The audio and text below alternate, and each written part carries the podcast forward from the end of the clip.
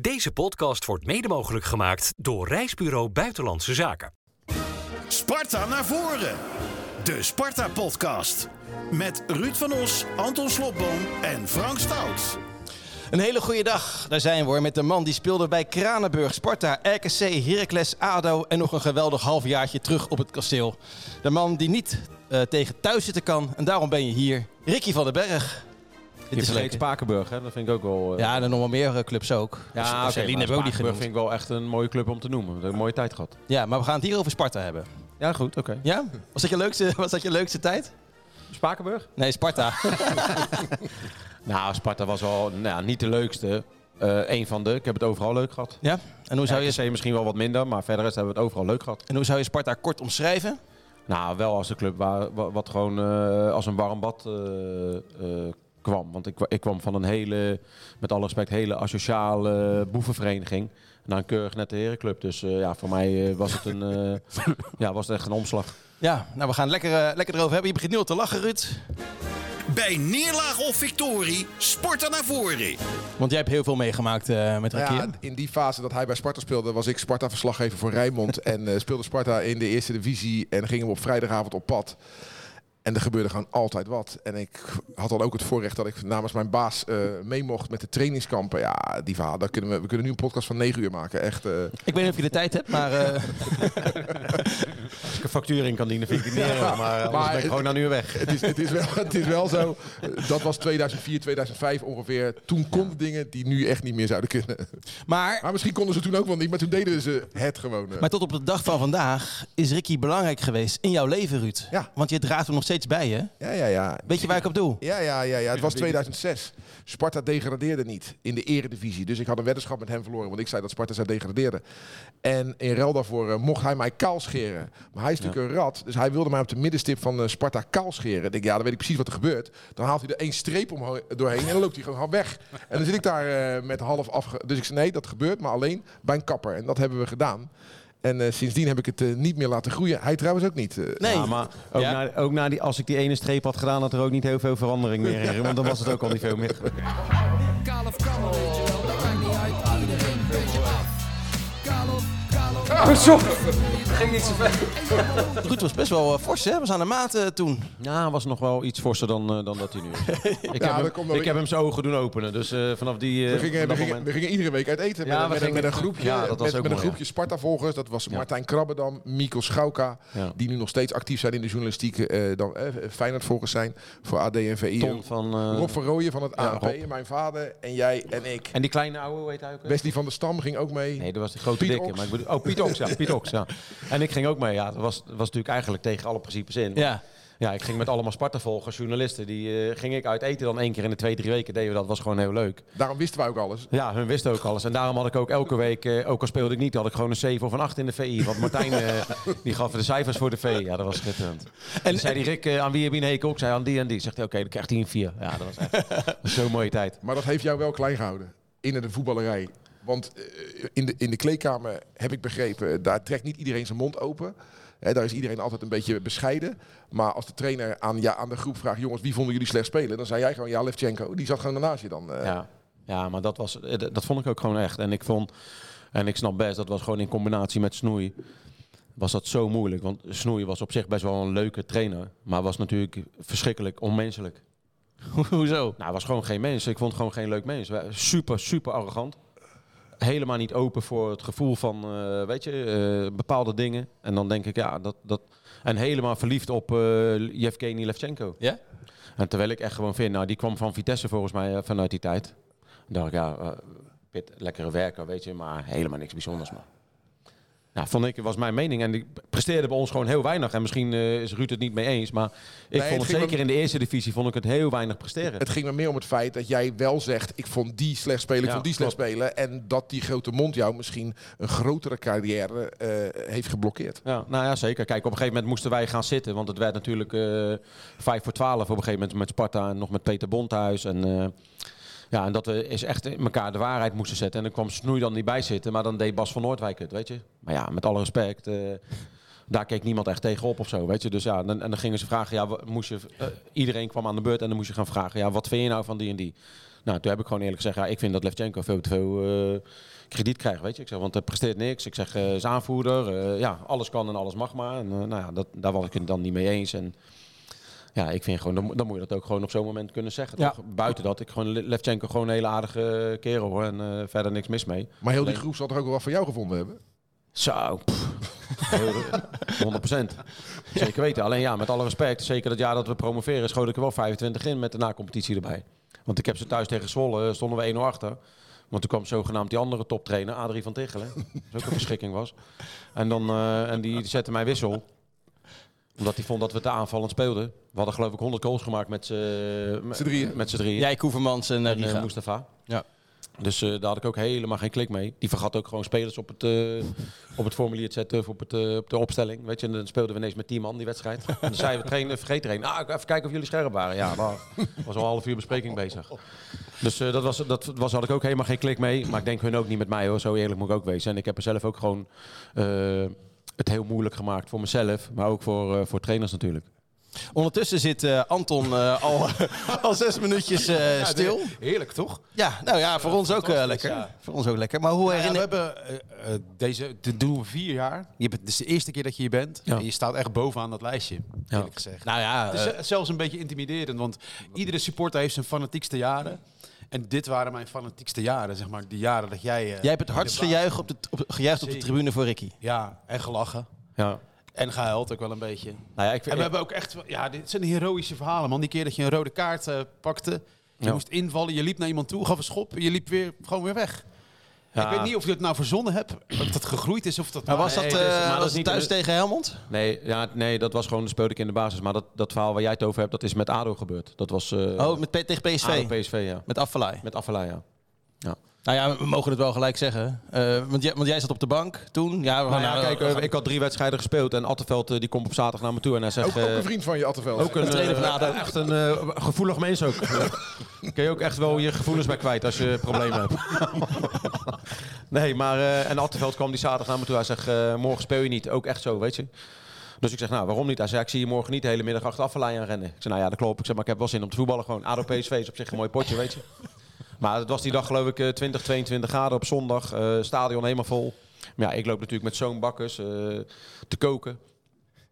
En eh, nou, dus ik ga zo eh, gewoon op de bank zitten in de hoop dat het binnen 10 minuten 15-0 voor PSV staat natuurlijk. nou, en of, of God me had gehoord, binnen 10 minuten stond het, of 20 minuten, stond 0-3. En zegt, of die Attenveld zegt tegen mij, hij zegt warm lopen. Ik zeg warm lopen, het is 0-3. eh, wa- wat ga ik nou nog in die wedstrijd doen dan? eh? hij zegt niks mee te maken, je moet je werk doen. Die kwam ook het stoombaats horen natuurlijk, die achter, omdat hij achter stond. En toen op een gegeven moment, nou ik loop twee keer langs en hij zegt erin. Erik Pieters die neemt een ingooi. En ik ga achter Affelij staan, die laat ik even los. En die zaag ik van achter helemaal neer. Had helemaal niks met Affelij te maken, maar gewoon met frustratie van alles, weet je. Nou, toen moest ik gelijk eh, weer eruit. Nou, ik, ben, ik dacht, nou die Attenveld die komt dadelijk als een stier binnen natuurlijk. Dus ik heb mij eigenlijk heel snel gedoucht, toilettas gepakt. En ik heb de tweede helft thuis op de bank gekeken. en het werd uiteindelijk 1-5. Ja. Die bedoelde je niet, hè? Hier was ik niet bij. Nee, maar het was, ik, ik, kijk, als het is je, wel een geweldig verhaal. wat je zo kan doen is natuurlijk, kijk, ik weet ook nog een keer mooi dat we bij Sparta natuurlijk, dat er zoveel sneeuw op het veld lag. Kun je dat nog herinneren? Ja, Was dat thuis? Ja En- meestal thuis. Als ja, ligt. nee, sorry. Nou, dan kunnen we bij Meervelden wel sneeuw leggen. Maar eh, we speelden een thuiswedstrijd. En eh, de wedstrijd zal, moest en zal doorgaan. Dus alle supporters waren gekomen en om het sne- eh, veld eh, sneeuwvrij te maken. En ik was de enige die dan sneeuwballen ging maken. En al die supporters ging bekogelen met sneeuwballen. en er was er één eh, supporter die had ook gezegd... Ja, Tyfus van den Berg sta ik daar eh, het eh na te, zweet uit mijn na te werken. En eh loop hij me met sneeuwballen te bekogelen. Het is wel mooi. Hè? Het is helemaal niet lang geleden, maar het voelt Nee. alsof het een andere tijd dat is. echt een andere Maar dat tijd. was ook de tijd, weet je wel, dat bij Sparta allemaal... eh, we zitten nu wat ruimer in ons vel, maar toen hadden we net dat nieuwe stadion. En, en de, de, de veldverwarming hadden we volgens mij bij de Aldi gekocht. Dus die, die lachen wel, maar die deed het niet. Dus dat, dat had allemaal geen zin. En dat, was dan, dat kostte heel veel geld om hem aan te zetten. Want dat kost natuurlijk eh, eh, veel... eh, dan- dan schiet je Eneco-rekening omhoog. Dus die werd pas op het laatste moment aangezet. Ja, dat heeft helemaal geen zin. Want met zo'n laag sneeuw hou je met een veldverwarming niet weg. Zeker niet als je bij de Aldi hebt gekocht. Dus, dus dan moest er geschept worden. En dat, ja, echt tof dat die supporters dat deden. Totdat hij het veld op kwam. Nou ja, kijk, het was ook een beetje ludiek natuurlijk, weet je. En eh, kijk, nu, nu, eh, ik denk in deze periodes, in deze tijden, denken mensen ook wel wat meer na. En eh, kijk, ik dacht toen helemaal niet na van, eh, ja, in niks niet. Maar wat nou, als ik dat doe, dan kan er misschien dat gebeuren, weet je. Nee, dat kwam meestal daarna, als ik het had gedaan, eh kwam dat pas. Hey, ik wil eventjes heel kort naar de actualiteit. Want eh, Sparta heeft van het weekend gespeeld. Heb je het gezien tegen Utrecht? Ik heb de samenvatting gezien. Je kijkt, kijk je hele wedstrijden? Nou, ik, dat vind ik me te lang duren, weet je. Ik, eh, met alle respect, ik, ik vind het leuker om gewoon lekker die, die switchkanaal aan te zetten. En als, dan, eh, als je lekker op vrijdagavond bij wijze van spreken of op zaterdag... eh, dat je dan van alles, eh, dat is volgens mij alleen op vrijdag, maar Ja, dat is eerste wat divisie. eten. en, ja, klopt. Maar ja, dan heb je ook wel eens een vrijdag een avond een eredivisiewedstrijd erbij. Dus dan, ja, dat vind ik leuker dan een hele wedstrijd Sparta-Utrecht of 20, eh, wat is het, Twente-Vitesse te kijken. Je weet wel wat Sparta Utrecht is geworden? 1-2.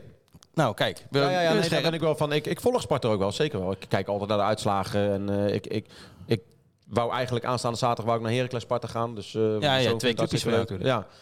Maar je gaat niet. Ah, ik twijfel nog, want het was slecht weer, man. Pff, zit Ja. je daar te kou, in de kou en doen? Denk, thuis kan ik het ook lekker uh, Maar waar, 5 november bij die reunie was je niet volgens mij. Van Kasper. Nee, nee, nee. Op, op Sparta Almere was er een reunie. Oh nee, daar heb ik geen uitnodiging voor gekregen. Oké. Jammer, want het was leuk. Ja, nou ja, ik eh, kijk in dat opzicht, kijk met alle respect. eh, het is nou niet zo dat ik de grootste held van Sparta ben. Zo voel ik mij eigenlijk ook zeker niet. Maar het is ook nog wel eens moeilijk om een kaartje te krijgen als ik eh, naar Sparta toe wil. En dat vind ik op zich wel, Je hebt toch connecties? wel jammer. Ja, ik heb ook wel connecties, maar het is, eh, het is op zich wel jammer. En ik had het laatste... eh, wanneer was dat? Sparta Twente volgens mij of zo, weet ik dat. En, eh, maar toen was het ook allemaal een beetje moeilijk. En, eh, Weet je, dan ga je de volgende keer met ons mee. Dan ben je gewoon analist bij ons op de radio. Je moet wel je mening geven. Daar heb je wat moeite mee, dat weet ik. Maar Ja, Zit je wel weer op zo'n rotstoel die, trouwens. Die steek ik nog wel zonder stoelen van bank in. Nee, maar ik heb nogmaals, Sparta zit... eh, nou, in mijn hart is overdreven. Want eh, ik ben nou niet zo'n... eh, dat ik denk van nou, ik moet echt juichen. Want ik heb daar gespeeld en doen dit en dat. Dat, dat heb ik helemaal niet. Maar ik vind het wel... Ik heb wel gewoon... Ik ben wel Sparta heel dankbaar dat ze mij ooit de kans hebben gekregen om... eh, gegeven. Om in het betaald voetbal te komen. Nou ja, ik denk dat ik eh, met mijn manier van voetballen... Met mijn manier van hoe ik, hoe ik ben als mens... Dat ik daar ook heel veel waardering uit heb gekregen vanuit de club, vanuit de supporters. Eh, ik ben zelfs, als ik eh, tegen Sparta speelde, waren ze nog mijn naam aan het scanderen om, eh, om me te steunen. Dus ik heb daarin gewoon eh, hele leuke herinneringen en een super mooie tijd gehad dan, bij deze club. Wat ik ook mooi vond in het begin, dat, dat was allemaal in de eerste divisie inderdaad, dat jij toen ook nooit alleen kwam. Hè? Het was echt een familieding voor de Ja. familie van de berg. Hè? Ja. Je vader, die leeft niet meer geloof ik hè? Nee, helaas niet. nee. Nee, nee, dus, dus die, was, die was zo trots als een pauw. En, en, en dat na afloop altijd er een, een soort van clan van de berg in de spelershoofd Ja. stond. Er stonden ook wel eens een paar boefies bij hoor. Ja, ja, ja, zeker. Ja. Ook wel eens in de kleedkamer. Ja. Maar dat vond ik wel mooi hoe, hoe dat voor, een familieding voor jullie was. Ja. eh. Nee, maar het was ook natuurlijk, kijk, eh, met alle respect, kom uit, mijn moeder komt uit een gezin van negen. En mijn vader uit een gezin van drie, dus ik had best een redelijk grote familie met neven en eh, doen. Nou ja, daar spreek je er op zich niet zo heel veel van. Maar op het moment dat je voetballer wordt, ja, dan vinden ze het allemaal alleen leuk en interessant. Maar ja, om het even dan te, te kijken op de korte die dichtstbij staan, zoals mijn vader, ja, die heeft me... Mijn eerste uitwedstrijd vergeet ik nooit meer, was Emma uit, eh 3-0 verloren. En mijn vader reed met een klein busje achteraan en eh, die kwam altijd kijken, weet je. Hij is helaas eh, drie jaar geleden, op, op 63-jarige leeftijd, overleden aan longkanker. De grootste klap eh, ooit geweest voor mij, mijn grootste angst ooit geweest. Mijn grootste vriend kwijtgeraakt, dus dat heb er echt wel heel erg ingehakt, nog steeds. Maar eh, ja, dus ook dat speelt ook mee waarom ik Sparta zo eh, waardeer. ja. Omdat ik ook weet, mijn vader, eh, iedereen kende mijn vader ook. En eh, mijn vader was overal welkom en vond alles leuk. En was altijd rustig en praatte met iedereen. En ja, dus dat, dat, ook dat heeft wel een speciaal iets Ja. voor mij. En door het overlijden van je vader, dat heeft er mede voor gezorgd dat je nu geen trainer meer bent in het amateurvoetbal, toch?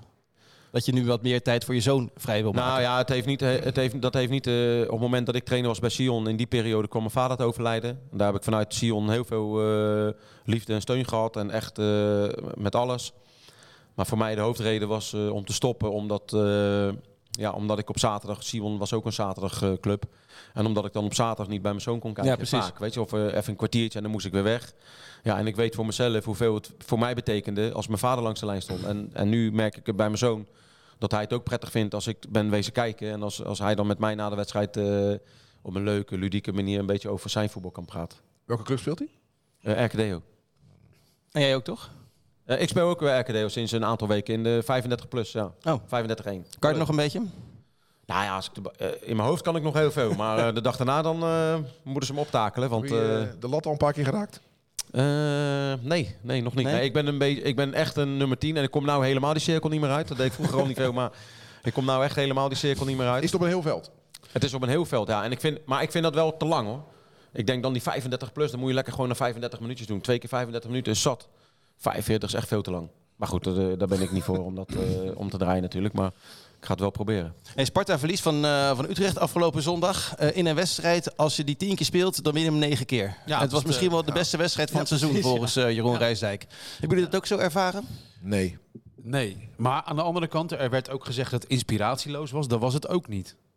Hè, als je nog een keer die samenvatting kijkt die jij ook hebt gezien. Het regende wel kansen. We hebben echt gro- grote kansen gecreëerd. Dus. Maar de beste, ja. Ja. Vond het Zo, moeilijk. zoveel om te juichen is er niet. Dus misschien was het Eh, als we de deze wedstrijd nog negen keer spelen, dan winnen, eh, tien keer spelen, dan winnen we hem negen keer. Dat, wat- dat zei, Dat zei hij. Nou ja, we winnen sowieso nooit van Utrecht. Dus dat zou wel echt heel fijn zijn als we nou eens negen keer van Utrecht zouden gaan winnen. Maar nee, ik, ik vond het oké. En Sparta was de betere partij. Maar om nou te zeggen, goh, wat voetbalde Sparta overtuigend. We hadden wel een paar aardige aanvallen. Bakari op de paal, dat was Zeker. een prachtige aanval. Ja, was, dat was Playstation voetbal. Ja, dat was, de, dat was wel de beste aanval van Ja. het seizoen. Toen, toen Ja. begonnen wel dingen te lukken in die fase. Dus daar doelt hij op, denk ik. En Ja. hij, maar ik vond het... Hij is een beetje verbeterd aan het raken. In dat interview in ieder geval. Zag je dat? Je zag hem een beetje op zijn tanden knarsen. Maar Ja, en dan terecht. Want twee laagvliegers op het kasteel en allebei niet gewonnen. Ja, dit was, dit was de fase, hebben wij hier natuurlijk gezegd, waarin het moest gebeuren. Ja, het is niet gebeurd. En die zesde plek, ja, de, geniet er nog maar even van. Maar die is echt uit zicht aan het Nee, wat ik al eerder heb gezegd, Ajax gaat ons binnenkort inhalen. Dus we gaan echt naar de onderkant van het linkerrijtje, wat op zich geen probleem is. Alleen we zijn verwend. We zijn gewend om in het midden van het linkerrijtje te staan. En eh, daar gaan we nu afscheid van nemen, denk ik. Ja, de aankomende, dus het zaterdag is het natuurlijk tegen Heracles. Dat is ook maar drie puntjes en die staan tiende, geloof ik. Ja, ja die, kunnen die hebben wel een over beetje vertrouwen getankt natuurlijk uit bij Almere. Ja. precies. Ja. precies. Ja, en daar loopt iemand rond die echt wraak wil nemen. Mario Engels. Ja, ja? Nou ja, Maar die Mario scoort- die Engels. scoort- Daar moeten we wel bang voor zijn, ja. Taak, eh, kunnen nemen. En, eh, Ja, ja. je, je kan het wel Geen, willen. geen Ricky van den Berg. Hè? Nee, dat, daar ben je toch niet bang voor? Nee, maar er is wel zo'n regeltje. Oudspelers scoren altijd. Oh ja, dat- Heb tegen Sparta gescoord? eh, pff, Nou, weet je wat hij wel heeft gedaan? In het uitvak gestaan. Een keer. Weet je dat nog? bij ADO. Ja, potverdomme. Ja. Dat, dat is echt zeer. Hij was er een van ons. Het een Sparta ADO. En aan de overkant Oh ja, staat daar Ricky van den Berg in het Ja, uitvak. dat heb ik ook nog wel gelachen. Want toen eh, ging eh, Umberto Tan die ging mij van tevoren interviewen vlakbij dat uitvak. En toen kwam dat zo Den Haagse sporter en die sprong zo bij die Umberto Tan op zijn rug helemaal de weg kwijt en doen. Ja, dat, en die Umberto die vond het helemaal niks natuurlijk. Ja, schitterend. Maar waarom deed je dat? Het waren gewoon Ja, vrienden van gewoon, je. man, eh, het was gewoon vrienden en eh, we gingen een wedstrijdje kijken. En dan denk ik, kom op, ik vind dat we daar wel allemaal te moeilijk over doen hoor. En, eh, en ni- niet op hem, maar gewoon dan denk ik, ja joh, nou ja, weet je, ik kom uit Den Haag. Eh, eh, 90% van wat er op de tribune staat, dat woont bij mij om de hoek. Of dat, eh, daar heb ik mee te maken gehad. Of daar, eh, daar ben ik mee weg geweest. Of doen. Dat is, eh, ja, dan ga je een wedstrijdje kijken. En of ik dan 10 meter verderop zit of in dat vak. Ja, lekker boeiend. Ja. Ja, toch? Ja, Ja, maar alles ligt onder, onder een vergrootglas in de ja maar ja, dat boeit mij vrij weinig. Joh. En eh, met alle respect, maar wat mensen ervan denken, ja, nou ja, het, eh, het zij zo. Heb je spijt van dingen? Nou ja, spijt. Weet je, kijk, je kan wel spijt van dingen hebben. En, eh, eh, maar dan denk ik, ja, oké, daar heb je spijt van. En dan? En dan ga je denken, oh ja, had ik dat maar dit, had ik dat maar dat, had ik dat maar zus. Ja, had ik maar sommige dingen anders gedaan. Maar ja, we leven nu en eh, ik ben nu vader van twee hele mooie kinderen. En ja, die verwachten van mij dat ik er voor ze ben. En dat, en dat ben ik er ook voor ze. En eh, wat er dan verder rest gebeurd is en wat er gedaan is en, en wat ik heb gedaan of eh, wat ik niet goed heb gedaan, wat ik wel goed heb gedaan. Ja, dat is met alle respect, maar dat is nu maar om- dan om anderen om zich druk om te maken, want ik maak me daar niet druk om. Nou, we hadden het voor dat we begonnen met opnemen, hadden we het over je tatoeages. Toen zei ik ook van, eh, heb je er spijt van? En daar zei, was je wel duidelijk over. Nou ja, dat zeg ik ook. Kijk, ik, ik zeg ook tegen mijn zoon, want die wordt, die is vijf, die wordt 15. En dan zeg ik ook, eh, als je mijn... Ik hoop dat je één ding niet gaat doen, om dat soort dingen te doen, weet je. Maar ja, kijk, mijn vadertje was mijn allergrootste vriend, eh, mijn held, mijn alles. Maar die zei niet tegen mij van, doe dat nou niet, doe dat nou niet. Omdat ik gewoon, ik was gewoon, eh, ja, ik heb gewoon mezelf daarin opgevoed. Want ik, had, ik heb een hele moeilijke jeugd gehad. Mijn vader was me alles, maar met, met mijn moeder ging het allemaal wat moeilijker. En eh, ja, dan, dan, dan leer je, ga je zelf een beetje dat soort dingen ondernemen. Weet je, als je thuis geen stabiliteit hebt, of ouders hebt die zeggen van... hé, hey, doe dat even zo, of laat dat even zo. Maar ik ga wel mijn kinderen ervoor behoeden van... joh, weet je, denk er in ieder geval heel goed over na. Kijk, als hij dadelijk 18, 19, 20 is en hij zegt... ja, ik ga dat doen, ja... dan wordt het ook heel moeilijk om hem tegen te houden natuurlijk. Maar ik, ja, kijk, als ze tegen mij morgen zeggen, je moet 1000 euro betalen en overmorgen zijn al je tatoeages weg. Dan betaal ik morgen 1000 euro, want dan ben ik ze allemaal kwijt. Maar Ja. ja, dat kan niet. En eh, het is zoals het is en het, is, het zit daar. En ja, Dus het, eh, is niet anders. geen Sparta-tato? nee. Ook Van geen ADO, ook nee. geen Heracles, zeker geen RKC. Dus eh, nee hoor, daar hoef je geen zorgen om te maken. Spakenburg. Nou, hij stept over spijt. Kijk, anderen hebben eigenlijk spijt voor jou natuurlijk. Want wij hadden laatst hier Koevermans. Ja. En als Koevermans over jou praat, dan eh, is dat met heel veel eh, warmte en liefde. Maar hij zegt ook van, ja, je had zoveel verder kunnen komen. Daar heb ik een fragmentje van, eh, Anton, hier zo. Dit, dit, zei, eh, dit zei Danny Koevermans eh, over jou. Ah, die, die is niet zo gek als een deurman. Eh, Ricky die, die kan denk ik, eh, als die een podcast op zou nemen of iets ergens zou gaan zitten en die zou verhalen vertellen, ah, je ligt dubbel. Gewel, geweldige gasten, serieus zo mee gelachen, ook op het veld. En, maar ja, ik heb ook al eens gezegd, Ricky, als die wat andere keuzes had gemaakt in zijn leven qua clubs, oh, ik vond echt een geweldige speler. Ja. Echt zo goed, jongen. Ik vond het zo mooi dat Mike Snoei eh, toen zei op trainingskamp van... eh, kijk, ik heb Ricky eindelijk waar ik hem wil hebben. Kijk hem lopen met zijn bordje sla. En daaronder lag gewoon zo'n stapel op Ja, dat zou kunnen, ja. dat vind je mooi, hè? Ja, dat is zeker mooi. En ik, eh, ik spreek Koef nog af en toe, want Koef natuurlijk ook met zijn vader. eh, dus eh, ik heb, we hebben ooit nog een keer een rebellen dingetje gedaan eh, samen of een kliniekje gegeven of iets. En eh, hij doet ook met de rebellen mee af en toe nu. We hebben helaas nog niet eh, samen kunnen spelen. Eh, maar ik heb altijd wel, eh, ik had altijd wel een leuke klik Ja. eh, met Je hem. hebt ook een klein beetje last gehad van, eh van Koevermans. En niet zozeer van de persoon Koevermans, maar wel van het stempel. Jullie kwamen allebei redelijk laat uit, uit het amateurvoetbal naar, naar Sparta toe. Hij, de nette jongen. Jij, ietsje minder net, om het zo maar te zeggen. Ja, nee, klopt. En daar heb je wel een beetje last van gehad, toch? Van dat verwachtingspatroon misschien. Nou, nee, kijk, hij was het, volgens mij kwam hij een jaar eerder. Hij was al in de Eredivisie, deed hij al mee. En eh, dus hij had al natuurlijk al een, eh, een stapje voor. En ik kwam gewoon, ja, kijk, Sparta degradeerde. En eh, toen hadden ze mij wel al gehaald. Ik had al on- onder Frank Rijkaard een gesprek gehad en mijn contract getekend. En toen, twee maanden later, degradeerden ze. Maar er is altijd wel, het is altijd wel naast elkaar gelegd. Weet je, eentje uit een hele rustige, stabiele opvoeding, waar we het net over hadden. En ik kwam natuurlijk uit, een, uit de Schilderswijk, waar het, waar het wat moeilijker was. Ja, en daar heb ik, daar heb ik persoonlijk geen moeite mee gehad. Van, eh, weet je, oké, een vergelijking of iets. Nee, ja, kijk, ik moet gewoon met alle respect. Hij heeft het gewoon hartstikke goed gedaan. Hij heeft Nederland zelf al gehaald. eh, eh, ja, topscorer geworden, eh, topscorer geweest. Alles erop en eraan. Dus ja, in dat opzicht heeft hij het gewoon beter als mij gedaan. Ja, en dan zei, Snoei zei dan altijd tegen mij, ja, jij bent er een beter voetballer. Maar ja, dat, dat, dat, dat gevoel had ik ook wel. Alleen ja, er kwam ook wat anders bij kijken. En ik vond het gewoon leuk. Ik hield gewoon van het leven. Ik hield van lekker eten. Ik hield van een keer weggaan. Ik hield, drinken deed ik niet, maar ik hield wel gewoon van het leven. En dat, dat deed ik ook. Ja, en dan kwam ik hem bij, bij spreken eh, in de voorbereiding kwam ik 6, 7 kilo te zwaar eh, terug. Ja, nou ja. En toen moest ik eh, op trainingskamp met naast de trainerstafel zitten, aan daar aan eten. En dan kreeg ik van, volgens mij was Mark Haak toen, die dan zei wat ik moest eten, mijn voeding en doen dit en dat. En de laatste dag zei Snoei van, eh, nou, ga maar één avondje bij de jongens zitten dan. dan eh, hij maar wel gewoon eh, normaal eten. Ik zei ja, is goed. Dus ik had, geloof, ik had zo verschrikkelijk honger. Dus ik had geloof ik zes, zeven hamburgers op mijn bord leggen. Het waren hamburgers. En, eh, en daarbovenop had ik allemaal sla en tomaat. En dan liep ik zo langs de trainer heen met... eh hij en? Dus toen deed ik even, kijk eens. Hij zegt, goed bezig. nou, toen ging ik aan die tafel zitten. ik geloof binnen 30 seconden zes hamburgers op. dus ja, nou ja dus dat, dat zijn ook dingen waarvan je eigenlijk denkt... Oké, weet je, die mensen hadden het wel op een bepaalde manier goed met je voor. Alleen ik voelde me er, met een hamburgertje voelde ik me er goed bij. Ik, ik, ik kan me ook nog herinneren dat wij op vrijdagavond, eh, als we thuis speelden... Nou, hij kan het beamen, Ruud ging ik met Wesley van der Stam gingen we naar de Nassiboer of naar de Surinamer, eh 200 meter van het stadion vandaan. Daar hadden we een grote bak nasi met kip. Dan zaten we om vier uur zaten we die bak nasi met kip op te eten. Daarna ging ik twee uur staan tafeltennissen tegen Peter Bonthuis, tegen eh, Manfred, tegen Wesley, tegen Bram die overleden is helaas van de ticketing. Ja, dan stond ik gewoon anderhalf uur, twee uur te, te tafeltennissen, eh, zo'n bak nasi op en, eh, en twee, drie goals maken. Ja, dan denk ik, ja, waar doe je dan goed aan? Toch? Ja, dat, Nou ja, dus dan, dan kijk, en dat, dat lijntje vind ik altijd wel een beetje dun. Mensen knijpen dat hele voetbal helemaal uit, man, op bepaalde shake. Na afloop krijg je een shaky. Nou, dat shaky, dat, le- dat leek wel bocht.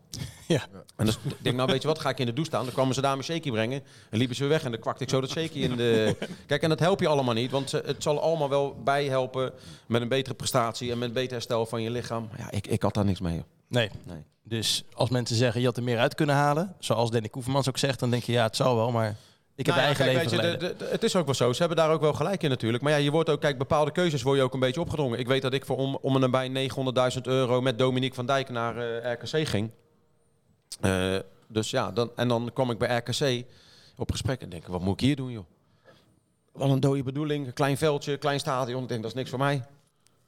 Ja, dan heb je ook met je zaakwaarnemers te maken. En die gaan dan ook op een bepaalde manier op je inpraten. Ja, die wilden natuurlijk ook verdienen. Ja. En die zeiden, ja, doe nou maar en eh, dit. En eh, dan ga je vanaf vier weer daar. Ik moet ook eerlijk zeggen, RKC had in die periode eindigd ze een aantal keren zevende, zesde, onder Martin Jol natuurlijk.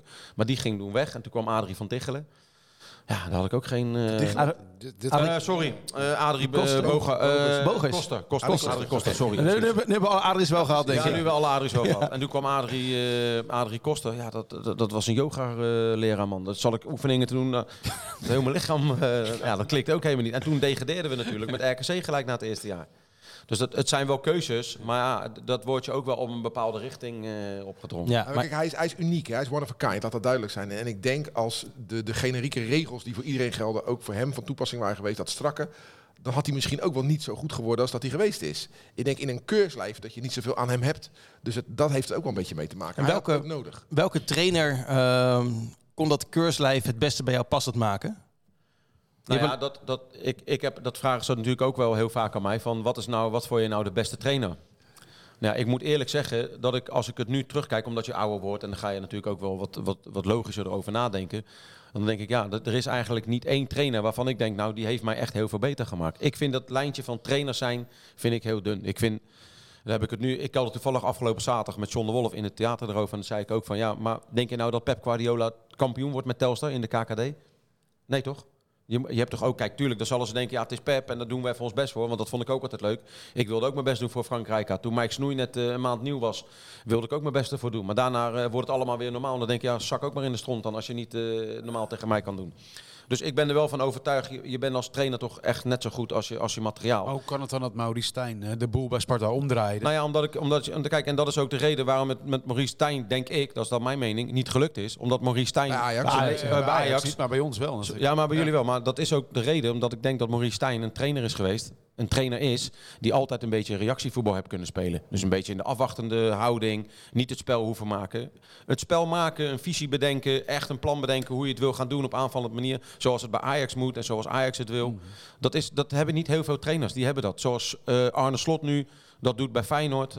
Dat is toch daarvoor ook heel weinig trainers eh, eh, gelukt. Nee, maar Om goed, om maar op die manier- was helemaal vastgelopen. Echt eh, op sterven na dood. Ja, nou, maar als je dan, komt. ja, oké, als Stijn komt en er komen Ja. een paar spelertjes bij en het klikt en hij kan een Ja. beetje people managen, een beetje leuk met die, een beetje leuk Ja. met die, alle winden waaien een beetje mee. Het valt even 1, 2, 3 keer goed en, en het gaat Ja, en, want en dan gebeurt het, dit. eh, Over Van Tichelen. Ja, die heeft Sparta toen ook gered.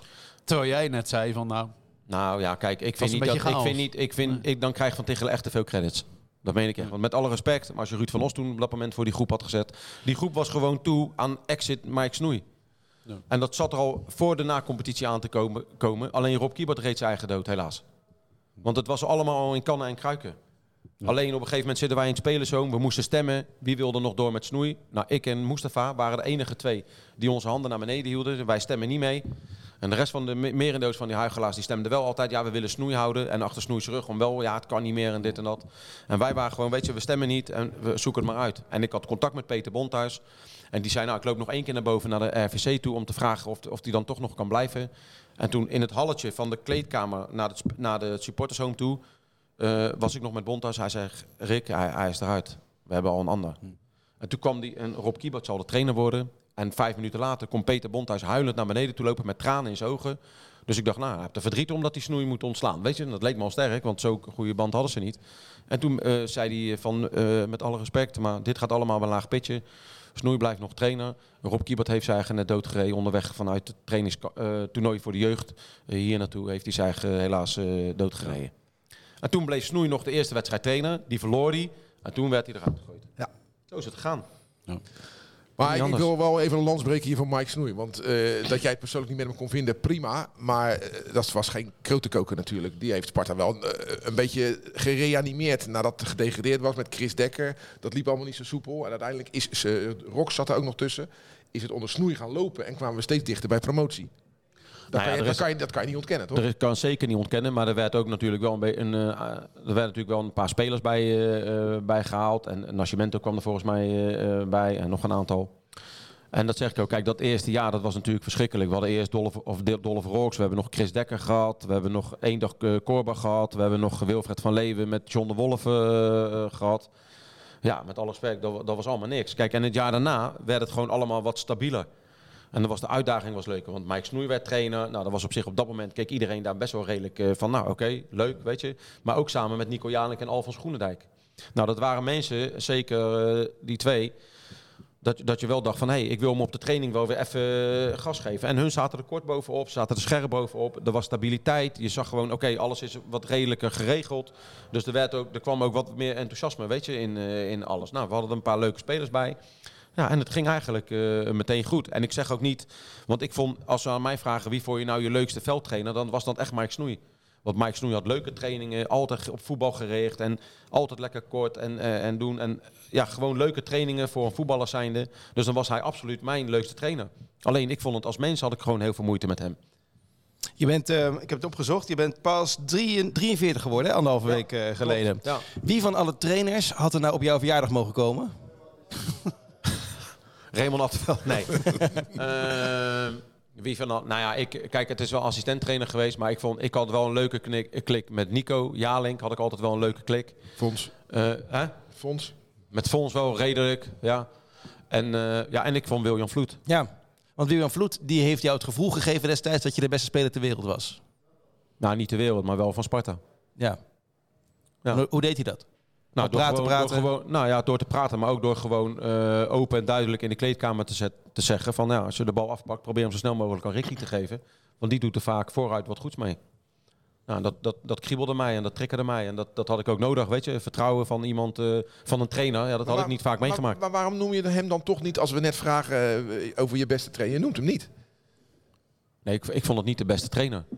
Maar ik vond het wel de, de trainer die mij gewoon het meeste, meeste vertrouwen gaf. Ik vond het gewoon, eh, ja, wat ik zeg, het was een man die gewoon eh, ook zag hoe ik als mens was, weet je. Want we hebben toen een periode gehad dat Obedij natuurlijk ook naar ons toe kwam. En daar heeft hij ook over gezegd. Hij zei, ja, zit hier in zijn eentje. Nou, die zat ook echt in zijn eentje in Diemen, Diemen Noord volgens mij. En eh, in, een, in, een, in een huis met alleen een bankstel, met een tv en verder rest eh, helemaal niet. Nou, ik nam overal, O- Obedij overal mee naartoe, dat weet hij nog wel. Eh, hij bleef bij mij slapen, ik nam hem mee uit eten. Ik heb hem zelfs een keer meegenomen. Toen dacht hij dat we naar een Michael Jackson concert gingen. Dat allemaal artiesten nummers gingen zingen van Michael Jackson. Maar dat was André Hazes. ik nam hem mee naar een concert van André Hazes. Ik had van Casper van Eyck twee kaartjes gekregen. Dat was toen eh Hazes dokter. En eh, die wist dat ik gek was van Hazes. En die gaf mij twee kaartjes. Ja, en eh, ik nam Obedij mee, weet je. En, en die zag toen op een gegeven moment zat hij op, op de tribune.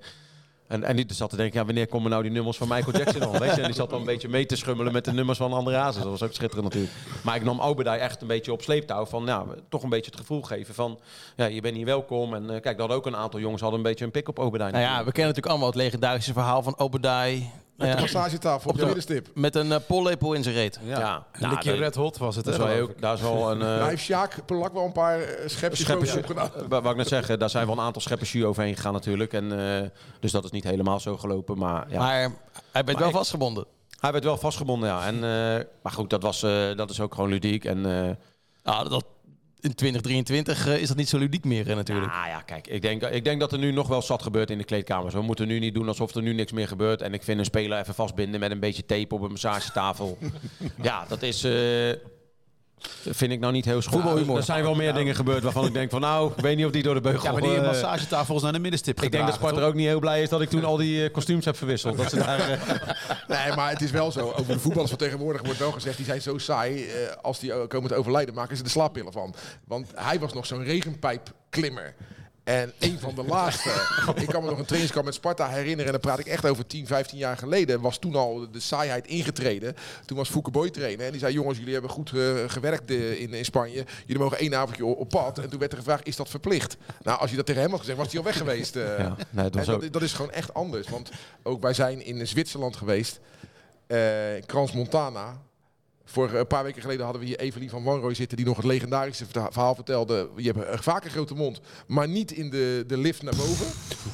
Toen heb ik je zo klein zien worden. Ja. Vooral toen we gingen schommelen met z'n allen en gingen kloppen op dat ding. En jij dacht, dat, met dat ding slaan. precies. Jij was Maar echt- ging ook echt regenen. en toen zaten we boven, toen ging het stormen, konden we niet meer weg. En ik heb, ik heb je bijna zien huilen. Ja, had je, had je zo'n hoge hoogtevrees? Ja, dat was echt heel eng. Dat was echt Ja? heel eng. Want hoe, hoe hoger wij eh, kwamen, hoe donkerder het werd. En, eh, eh, en Nico die gaf dan steeds een klap met, een, met die... Met zijn sleutel, met bij zijn kamersleutel. zijn kamersleutel tegen het dak aan eh, en doen. Nee, Niet dat doen, was, ik, eh, niet doen, ik. Hij werd nee, dat was echt geen, werd boos. dat was echt geen pretje. De rest allemaal lachen. Maar ja, toen we weer beneden waren, toen was de oude Ricky er weer. En toen gingen we op pad. En dat echt nooit vergeten. Toen heb jij, eh, want niet iedereen ging mee. En toen heb jij op de gang eh, van het hotel, heb je alle trainingsspullen door de hele gang gesodemieten. De ballen, de shirtjes, de pionnen. Maar ik hoorde die herrie en ik was met collega Bob van Brugge, cameraman. En wij dachten, wat is er voor herrie op die gang? Dus wij gaan kijken wat er aan de hand is. En net doet Snoei die deur open en sta ik daar tussen al die tering zo. Dus die dacht dat ik dat gedaan had. Eh, Ruim moet ook zelf even op, zei hij. Maar dat had hij gedaan. Ja. Het verhaal van dat, eh, die, dat kostuumverhaal? Dat moeten we ook echt even doen. Want heb jij nou ervoor gezorgd dat iedereen voor lul liep? Nou ja, we hadden...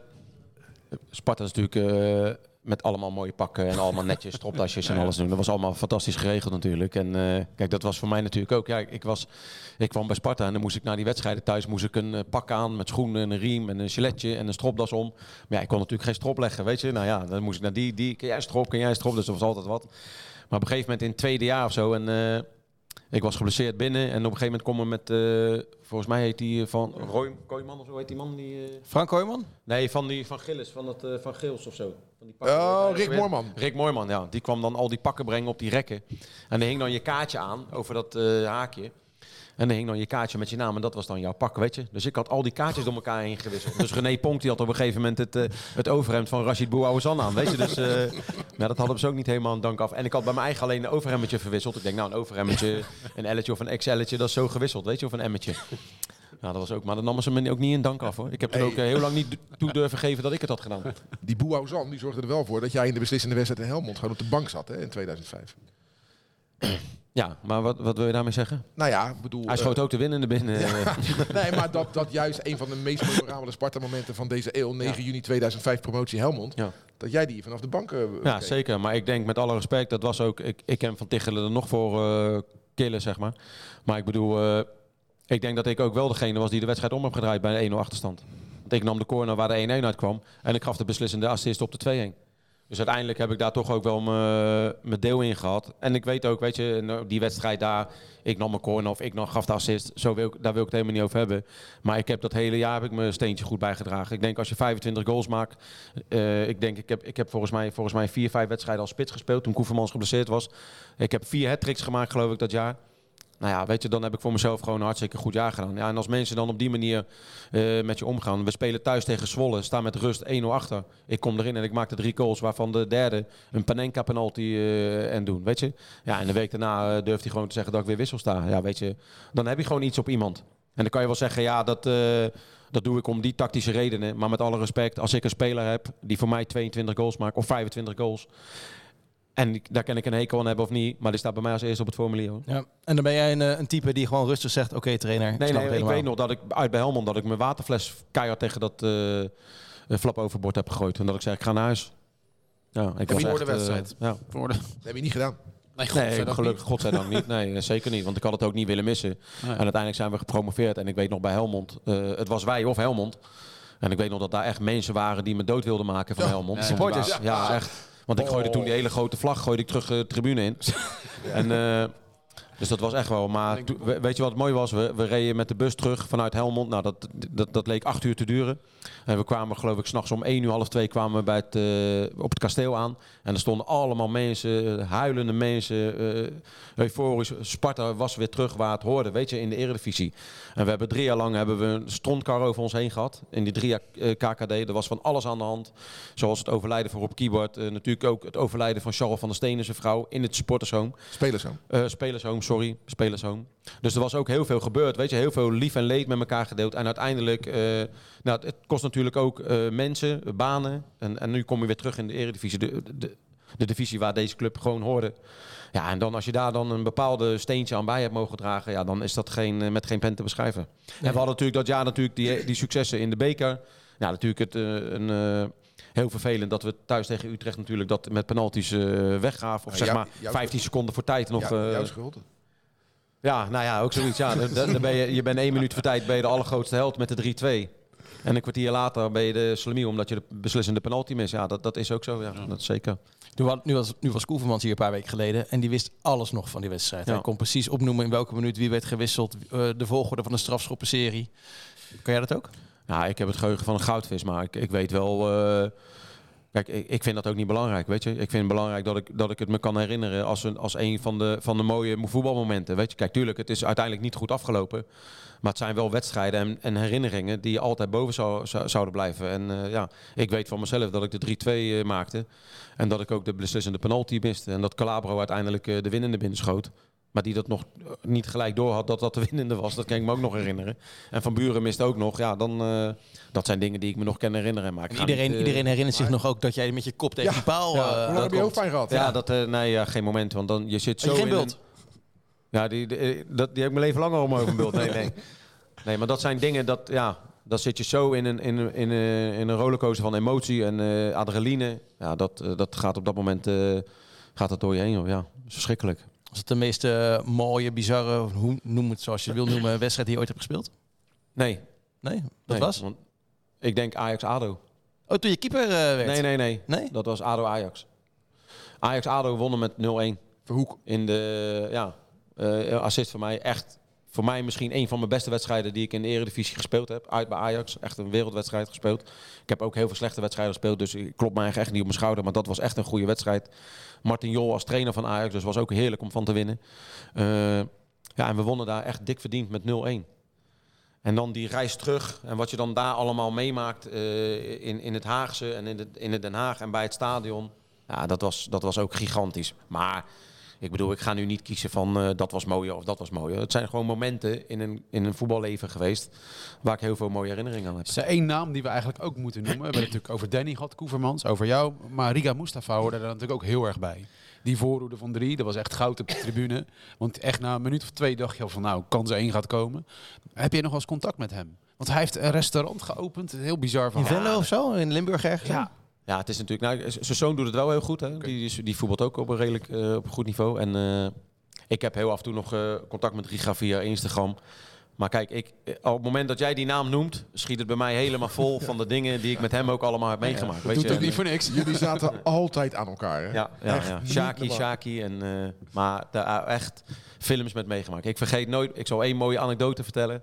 Ik vergeet nooit meer, we zijn op trainingskamp in Portugal. En eh, Casper van Eyck was onze clubarts. En eh, eh, Riga kan niet trainen. Want die hebben een steenpuist onder in zijn oksel. Ja, zo groot als een pingpongbal. Echt waar. En dat overdrijf ik niet.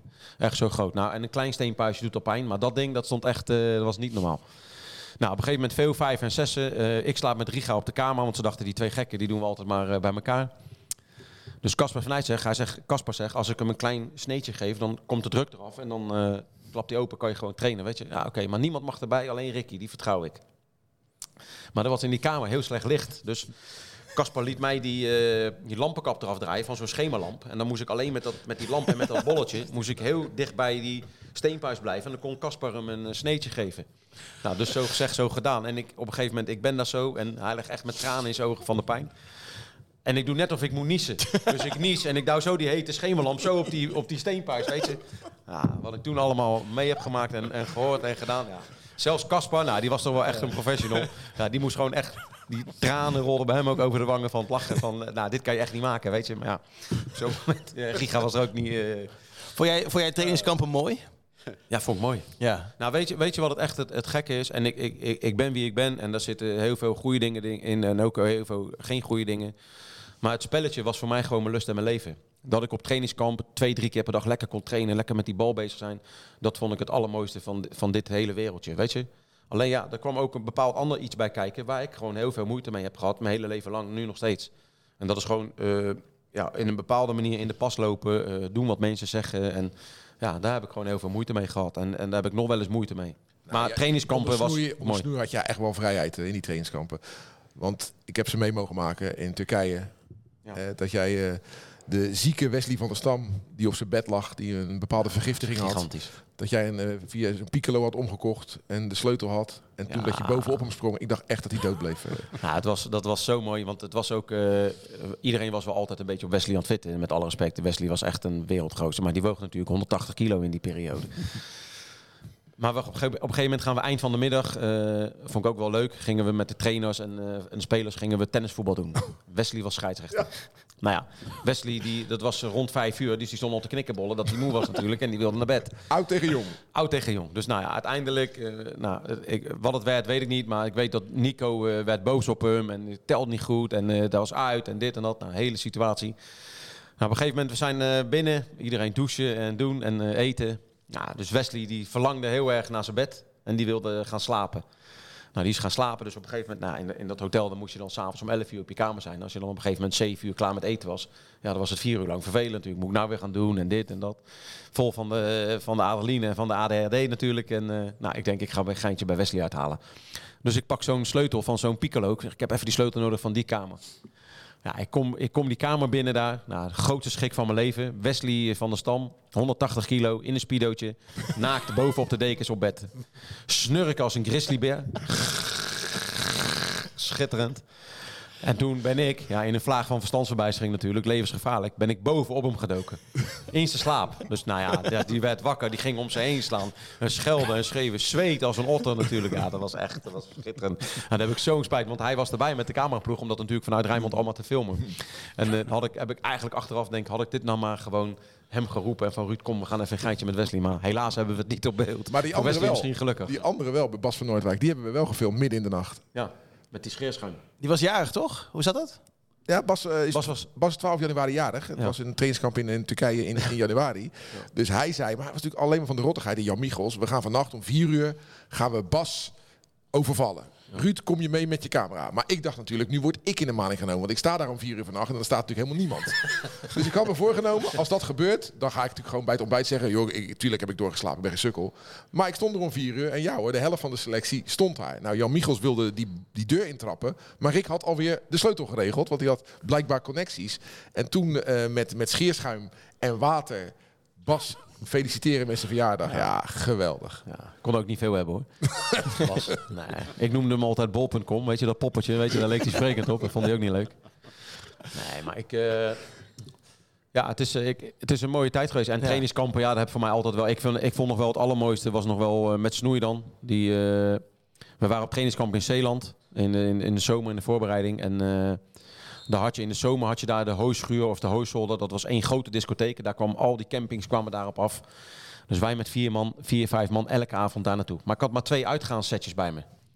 Maar we hadden zat in een heel leuk eh, hotelletje, zo'n eh, pensioenetje. En die, en, die, en die man en die vrouw die regelden dat allemaal heel goed, lekker vers eten. En, eh, maar op een gegeven moment zei ik tegen haar van, kunt u alsjeblieft even mijn kleren wassen? Want ik wil zaterdagavond, dat was de avond, wil ik graag nog een uurtje weg. Zeg ze, nou, ik ga het lekker voor je wassen. Ga jij maar trainen? Nou, wij die wedstrijd toevallig, ochtends training en smiddags een wedstrijd.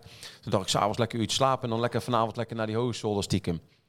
Wat gebeurt er? Zij heeft mijn kleren gewassen, alle twee de setjes, op mijn bed neergelegd.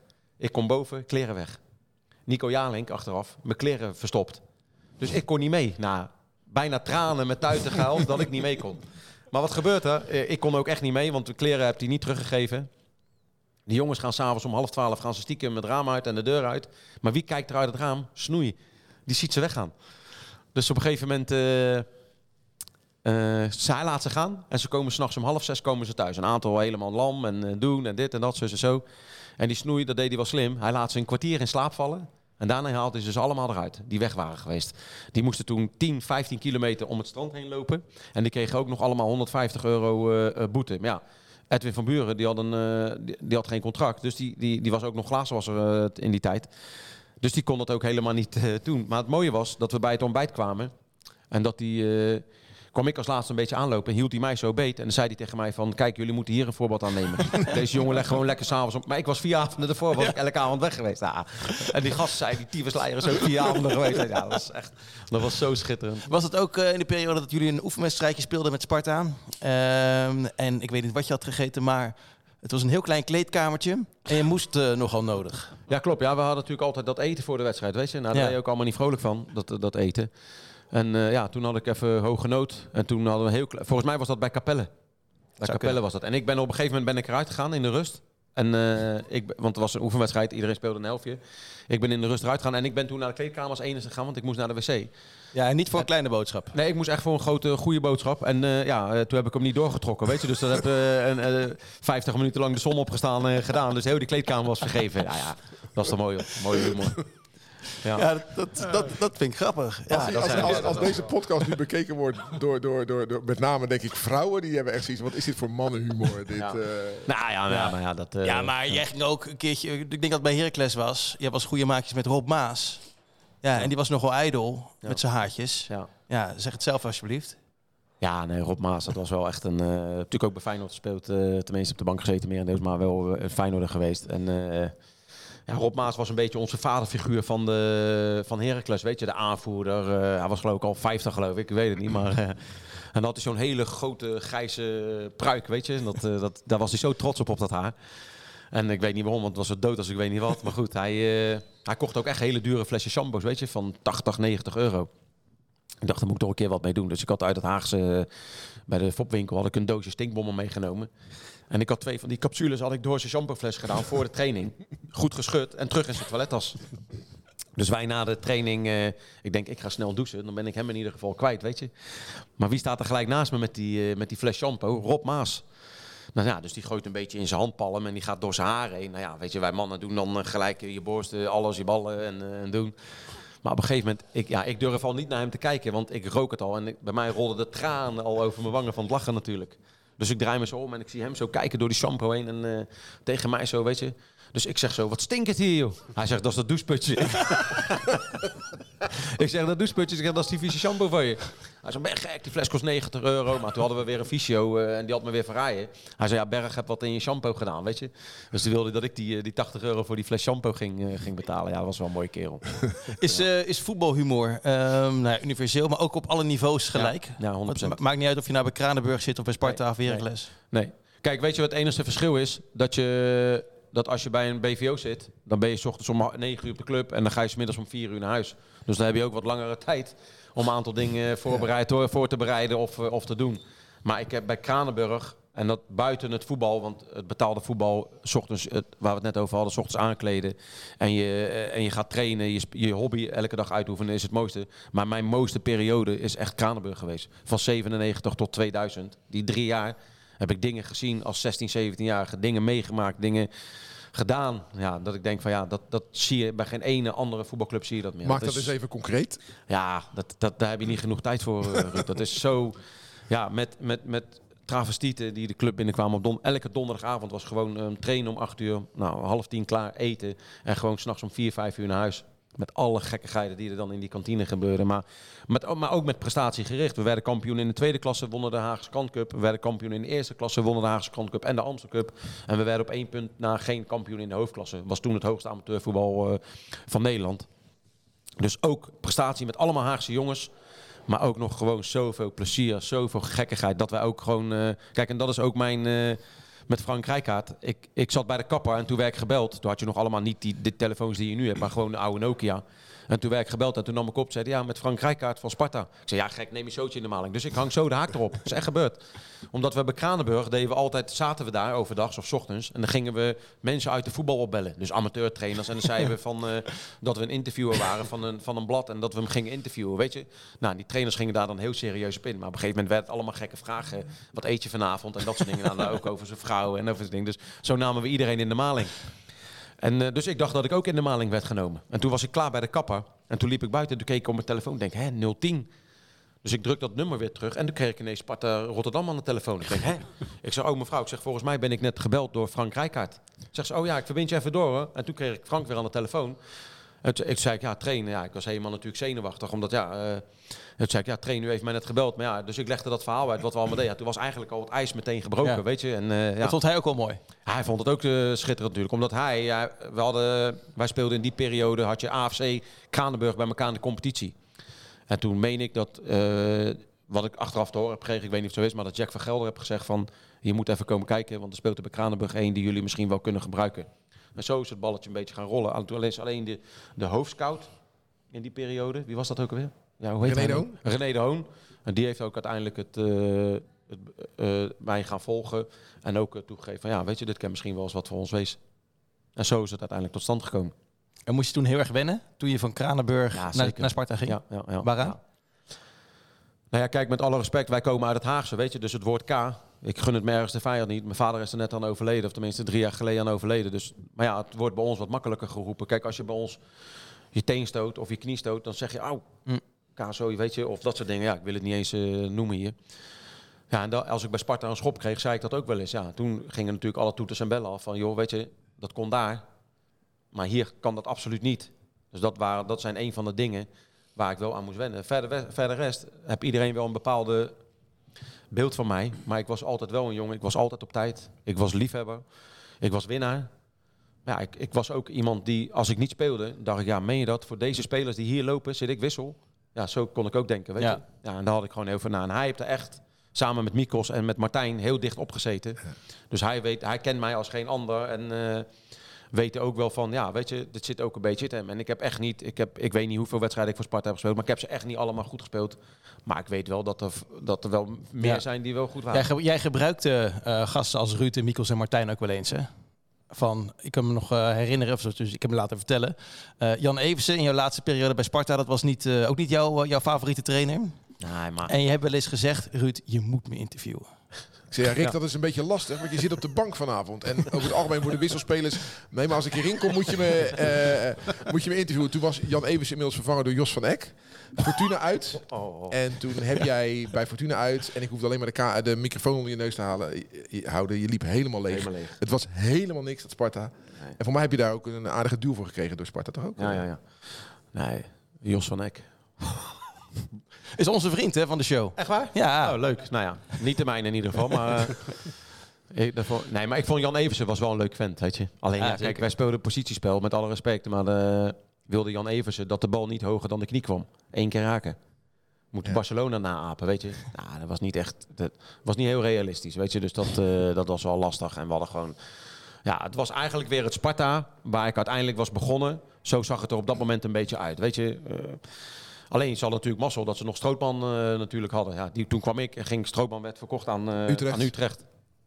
Nou, vanuit daar is het weer een beetje eh, gegaan. Maar dat jaar was eh, dat laatste half jaar. Toen werd op een gegeven moment, kon ik twee jaar bijtekenen. Maar toen werd bekend dat Michel Vonk trainer zal worden. Nou, toen was ik al gelijk van, nee, dan, dan wordt het voor mij wordt het hem niet. nee, daar kon je niet door één deur, Nee, dacht je. Want die had ik ook al twee jaar als assistent gehad bij Wiljan natuurlijk. Oh ja. En met William kon ik hartstikke goed. Maar Michel was gewoon, ja, was niet mijn type. Nee, we zagen hem nog deze week op het kasteel. Hè, dat bij, eh, curieus. mocht hij een presentatie geven van een uh, vonk coaching. Ja, Vonk Performance eh, Coaching. Ja, er was een bijeenkomst van het MKB. Dat was het, Ja. En eh, daar was hij uitgenodigd als eh, Ja. spreker. Wel wel leuk Dat om hem, eh, Ik was er niet bij, maar ik zag de foto's. Wel weer leuk om hem een keer te zien, want hij is natuurlijk helemaal uit beeld in de voetballerij. Ja, hij straalde wel. Ja, maar het was ook niet, eh, laten we zeggen, het was ook niet de vriend van de media natuurlijk, eh, Michel Vonk. Nee, Michel Vonk, eh, zeer aardige gozer en eh, leuke gesprekken mee gehad, maar ook wel een soort van control freak. Ja, maar die was voor de Dus die wil- camera, dat was Dus die natuurlijk niet te doen. alles, alles in Nee. de hand houden. Alles wat er gebeurde binnen Sparta wilde hij in de hand houden. En eh, ja, dat gaat gewoon niet. Focus je op het trainen. Dat is al zwaar genoeg. En laat eh, het repareren van het dak over aan een dakreparateur. En ga je daar ook niet ook mee bemoeien, bij wijze van spreken. Nee, precies. precies. Maar nog even terugkomen op Jan Eversen, want die eh, is hier vaak eh, te gast in, Ja. in FC Rijnmond. We gaan, goed met Jan, maar je zegt een leuke vent, maar niet zo'n eh, Nee, niet zo'n goede trainer, maar dat vindt hij zelf wel namelijk. Jawel, nee, maar het zal ook echt wel. Maar alleen wat ik, al, wat ik net al aangaf, ja, die man is ook afhankelijk van, wat, van welke selectie heb je, weet je. Ja. je, je, je, je bent al in de, in de KKD. Ja, dan, dan beschik je niet over het allerbeste elftal, weet je. En dat was Had je het moeten eh, doen, dat halfjaartje Sparta? Want je kwam van, van, van, ADO toen. denk je, nou, nog even een halfjaartje. Ja, ja. Weet je, dat was op zich... Kijk, ik, heb natuurlijk, ik ben met problemen weggegaan. Tenminste, niet met problemen, maar vervelend weggegaan bij ADO. Ja, en dan eh bood Sparta me nog een half jaar eh, aan. Ik denk, nou, dan ga ik nog lekker een half jaar terug naar mijn clubje waar ik ben begonnen. Ja, dat, dat zie je vooraf. Dat, dat, dat gaat niet heel vaak goed bij spelers. Die dan nog Nee. even teruggaan bij, eh, bij een clubje. Nou, dat is het bij mij ook niet gegaan. Nee, en dan wat krijg je dan een situatie dat hij samen met René van Dieren op de bank zit. Ja, dat is gewoon als trainer vragen om problemen. Ja, maar als ze niet goed genoeg zijn, kan je ze ook, nee, dat ze ook snap niet op. ik. Maar een, eh, dat is wel een dodelijke cocktail als jij iets wil bereiken. En je hebt twee ontevreden spelers op de bank zitten die ook nog eens van Dieren en van de Berg eten. Ja, nee, kijk, weet je wat het ook vaak is met trainers? En daar bedoel ik niet Jan Eversen mee, maar ik bedoel ook met trainers. Die willen dan vaak via spelers die dan eh, wat geroutineerder zijn, dan willen ze ook een bepaald voorbeeld aanstellen. Weet je, van joh, als, als ik hun al op de bank durf te zetten, Oh ja. dan moet de rest ook maar even weten hoe laat het is. Weet je, ja, dan denk ik, kom op hé. Praat gewoon en eh, communiceer. En dat was misschien op dat moment wel moeilijk met mij. Maar ik had met Jan Evers helemaal geen eh, slechte verstandhouding hoor. En ik heb heel veel respect voor die man. En eh, daar gaat het ook verder niet om. Maar ja, het was toen gewoon, was het gewoon niks. En daar kon hij niet heel veel aan doen. Want het liep ook niet heel veel in het elftal. Nee. Nee, dat is gewoon zo. Maar ook een man met het hart op de tong, net als jij. Dat had je. Nou, zeker. En dat, dat vond ik altijd wel. Dat, daar hou ik wel van. Weet je, kijk. ook eh, hard, hè? Die kon ook cynisch ja. zijn tegen spelers. Goed is goed en slecht is slecht. En eh, dat mag je toch gewoon benoemen. Je verdient allemaal geld, je bent volwassen mensen, weet je. Ja, kijk, ik vind alleen, je moet wel proberen dat een beetje op een normale en niet zo'n arrogante manier te doen. eh, Wat Mike wel eens had, weet je. Kijk, en nogmaals eh, over Mike en wat ik al zeg, was gewoon een veldtrainer, hartstikke leuk. Ja, en nu zie ik zie hem dan nu weer wel eens voor de, voor de camera komen. En dan denk ik, ja, het is echt Mike, Ja. weet je. Kijk, en, en eh, ik, Maar wij zien dat graag, hè? Iemand die lekker overtuigd van zichzelf is voor de ja, camera. Ja, nee, dat snap ik. Maar ik heb daar wel wat meer moeite mee. Maar kijk, als jij dan... eh, je, je, je valt met Telstar bijna van de ranglijst af. Maar je staat op zaterdagavond bij een andere wedstrijd sta je te vertellen hoe het moet. Dan denk ik, ja, dat vind ik ook allemaal niet zo netjes. Vind ik allemaal niet zo kloppen. En dat heb ik toen met Verbeek ook gehad. En die was toen trainer van Almere City. Die zat ook bij ons bij de Rebellen. Gert-Jan Verbeek, hè? ik ben blij, ja, Gert-Jan Verbeek. En ik ben blij dat ik hem niet als trainer heb gehad, want dat had helemaal niet geklikt. Maar als mens vind ik het wel een hele leuke vent. Want ik heb hem nu zes, zeven keer met hem gevoetbald en gedaan. Echt een aardige man. Maar dan denk ik ook, weet je, je bent trainer van Almere City. Het gaat heel slecht. Ga nou niet op zaterdagavond dan ook nog of op zondag de analyse van Vitesse Feyenoord doen. Ja, maar ja, en die, dan wil- vertellen hoe het moet. maar die Heb je willen ook, nou nodig eh, geld die of- willen ook, eh, precies, die willen ook een eh, zakcentje verdienen erbij. ja, meen je dat? Dat zijn, echt, dat zijn wel mensen. Ik denk, Gert-Jan Verbeek maakt niet heel veel op. Die hoeft zich eigenlijk echt niet meer druk te maken. Of die heeft echt niet die paar meijen nodig van zondag die analyse te geven bij eh, eh, als je zelf dan trainer bent. Ik vind ook als club zijnde moet je gewoon zeggen, je bent hier trainer. Je kan hier trainer worden, maar daar ga je gewoon mee stoppen. En als je dat niet wil, dan zoeken we een ander. Kijk je, wel, eh, kijk je naar die programma's, naar Naar die, eh, naar die voetbalpraatprogramma's en naar die analisten. Wat vind je ervan? Nee, ik vind alleen VI leuk. Want die, die zeggen gewoon wat ze denken, weet je. De rest van dat, eh die huichelbende, dat vind ik niks. Nee, dat Wat kijk ik vind je van eh, onze trainer nu? Van Rijsdijk. Heb je die al gespot? Nee. Ja, ik, heb hem wel, ik, zie, ik zie hem natuurlijk wel eens voorbij komen, maar ja, ik, eh, ik weet het niet. Ja. Hij zal het wel goed doen. Ja, ik, ik volg dat allemaal niet zo diep dat ik denk van dat ik daar een oordeel over kan geven. Joh. Weet je, Dus ja. het is ook niks voor jou Kijk, om... het, zijn eh, allemaal, het zijn allemaal mensen die, die, die, die blijven er leven lang i- in de voetbal, weet je. En eh, ja, de- de- ik heb dat niet. Ik heb niet dat ik ga vragen van, oh, mag ik bij jou assistent zijn of mag ik daar, weet je. En dan zie ik Fouke Boy er weer bij zitten en denk ja, moet je dat wel willen, joh, als de hoofdtrainer, weet je. Ben je dan niet bang dat hij altijd gaat denken van, hé, hey, eh, misschien kan ik dat plekje dadelijk wel weer een keer overnemen. Ja, ja dat, weet, dat weet je nooit bij dat. Je hebt helemaal niet de ambitie om wat eh, Nee, te doen. nul. Nee, ook niet eh, in de media, want je hebt natuurlijk wel een aardig, eh, aardig babbeltje. Nou ja, dat lijkt me wel leuk om gewoon wat om gewoon over voetbal te praten. Lijkt me wel leuk, weet je. En, dan moet je wel kijken. En als je dan moet- 90 minuten lang vindt duren. Ja, ja, maar goed, als je er een opdracht voor krijgt, eh, met alle respect, als je er een opdracht voor, krijgt en die neem je aan, dan ga je er ook voor kijken. Maar jij vraagt mij gewoon van, kijk jij thuis wedstrijden? Ja, ik kijk thuis heel veel wedstrijden. Zoals gisteravond heb ik heerlijk naar Feyenoord in de Champions League liggen kijken. Maar om nou naar Vitesse, Ja, tegen, allemaal. Vitesse tegen RKC te gaan leggen kijken, 90 minuten, waarbij de ploegen niet willen aanvallen, ja, daar heb ik geen zin in. Wat doe jij de hele dag? Ik ben heel veel aan het padellen. Net als elke andere voetballer geloof ik eh. Maar Eh, waar, waar, waar, waar leef jij van dan? Nou, ik heb een, eh, ik heb een onderhoudsbedrijf. Eh, Dat doe ik samen met een kameraad van me. Eh, nou, ik heb, ik heb gewoon... ik ben gelukkig de laatste periodes ben ik redelijk normaal met mijn centjes omgegaan. En mijn vrouw hebben een hele goede baan. Dus we hebben het gewoon, we hebben het gewoon hartstikke... Ik heb een hartstikke mooi... Ik heb, dat is het enige goede wat ik heb gedaan. Ik heb een mooi koophuis gekocht in een goede tijd. Ik heb gewoon een klein zakcentje en we, hebben gewoon onze inkomsten. Ik ben niet rijk, zeker niet. Moet gewoon echt wel drie dagen in de week eh, eh, werken. Mijn vrouwtje werkt drie dagen in de week. Maar ik, ik, ik, ben geen, eh, ik ben geen werker en ik wil niet mijn hele leven. Ik zie het aan mijn vader. Die heeft zijn leven lang heel hard gewerkt. Nou, die was 63, die ging bijna met pensioen en die ging dood. Nou, dat, dat overkomt mij niet. Ik ga mijn eigen niet doodwerken. En dan maar wat minder geld. Maar ik wil dat zijn voor mijn kinderen. Ik wil tijd met mijn kinderen besteden. En niet 's ochtends al voordat mijn kinderen opstaan weg. En s'avonds voordat mijn kinderen naar bed gaan thuiskomen. Omdat ik dan misschien eh 200 euro meer heb in de week. Nee joh, dat is mij niet voor te doen. Nee, dat, dus ja, ik leef gewoon van eh, af en toe een klusje en een dingetje. En eh, we hebben nog rebellen, een beetje snabbelen. Ja, dus zo, zo zit mijn leven in elkaar. Ja, en ik, eh, wat ik al zeg, ik heb hele mooie reizen gemaakt verleden jaar. Ik ben 21 dagen zijn we lekker met mijn gezin naar Amerika geweest. Ik doe hele leuke dingen, sparen. En meer heb ik meer niet nodig. Ik hoef geen Ferraris of Rolexen of interessant doen. Nou, ik heb je auto gezien, dat is een mooie auto hoor. Nou, ik heb gewoon een mooie gezinauto. Ja. Ja. Daar rijdt mijn vrouw altijd in. Ik rijd zelf lekker in een simpel werkbusje. Heerlijk. Zit ik lekker hoog. Geen probleem. En ik heb voor mijn gezin heb ik gewoon een, eh, een goede auto. Ja, en meer heb ik niet nodig. Nee. Eh, kijk, en voor mij is het belangrijk. En weet je, zo zit ook een beetje de maatschappij tegenwoordig in elkaar. Zeker met social media. Ze willen elkaar allemaal de ogen uitsteken. En eh, die moet het beter dan die. En die moet meer dan dat. Maar ik ben gelukkig met wat ik heb. En voor mij is het belangrijk, want ik heb dat vroeger niet gehad, dat mijn ijskast elke dag voor me leggen met vers vreten. Vers fruit, lekker eten, stabiliteit, op tijd naar bed, op tijd eten, op tijd slapen. En als mijn kindertjes gewoon het goed gaat, dan, dan heb ik al heel veel gewonnen. En wat de rest van de mensen dan van me denken, met alle respect, maar dan scheid ik op. Ja. Hoe, hoor je, hoe, hoe, zit je dit nu te, te beluisteren, Ja, Ruud? Want ik- dit is de man natuurlijk met wie jij heel veel avonturen hebt beleefd. Ja, ik, ik vind dat heel leuk. Want ik moet je eerlijk zeggen, ik heb me wel een beetje zorgen gemaakt om hem. Ik denk van waar gaat hij, in welke gevangenis gaat hij eindigen? Hij maakte ook eens een grap eh, in een interview eh, jaren dus geleden in zijn voetbaltijd. Was de vraag, wat zou jij doen eh, als je geen voetballer zou zijn geweest? En dan zei hij, stelen. Weet je, ja, dat was hij. En ik had echt het idee dat het daarop zou gaan uitdraaien. En nou, als ik hem zo hoor, en ik ga ervan uit dat hij glas eh, helder en heel eerlijk is, dan eh, heb je het goed voor elkaar. Dat, eh ja, ik respect voor.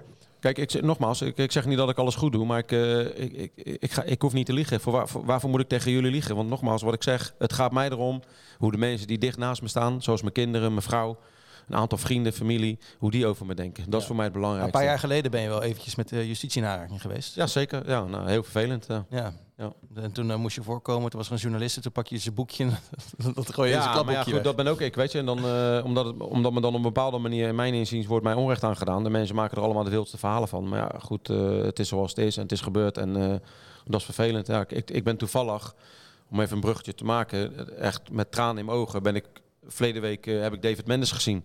Want ik was op bezoek bij een ander.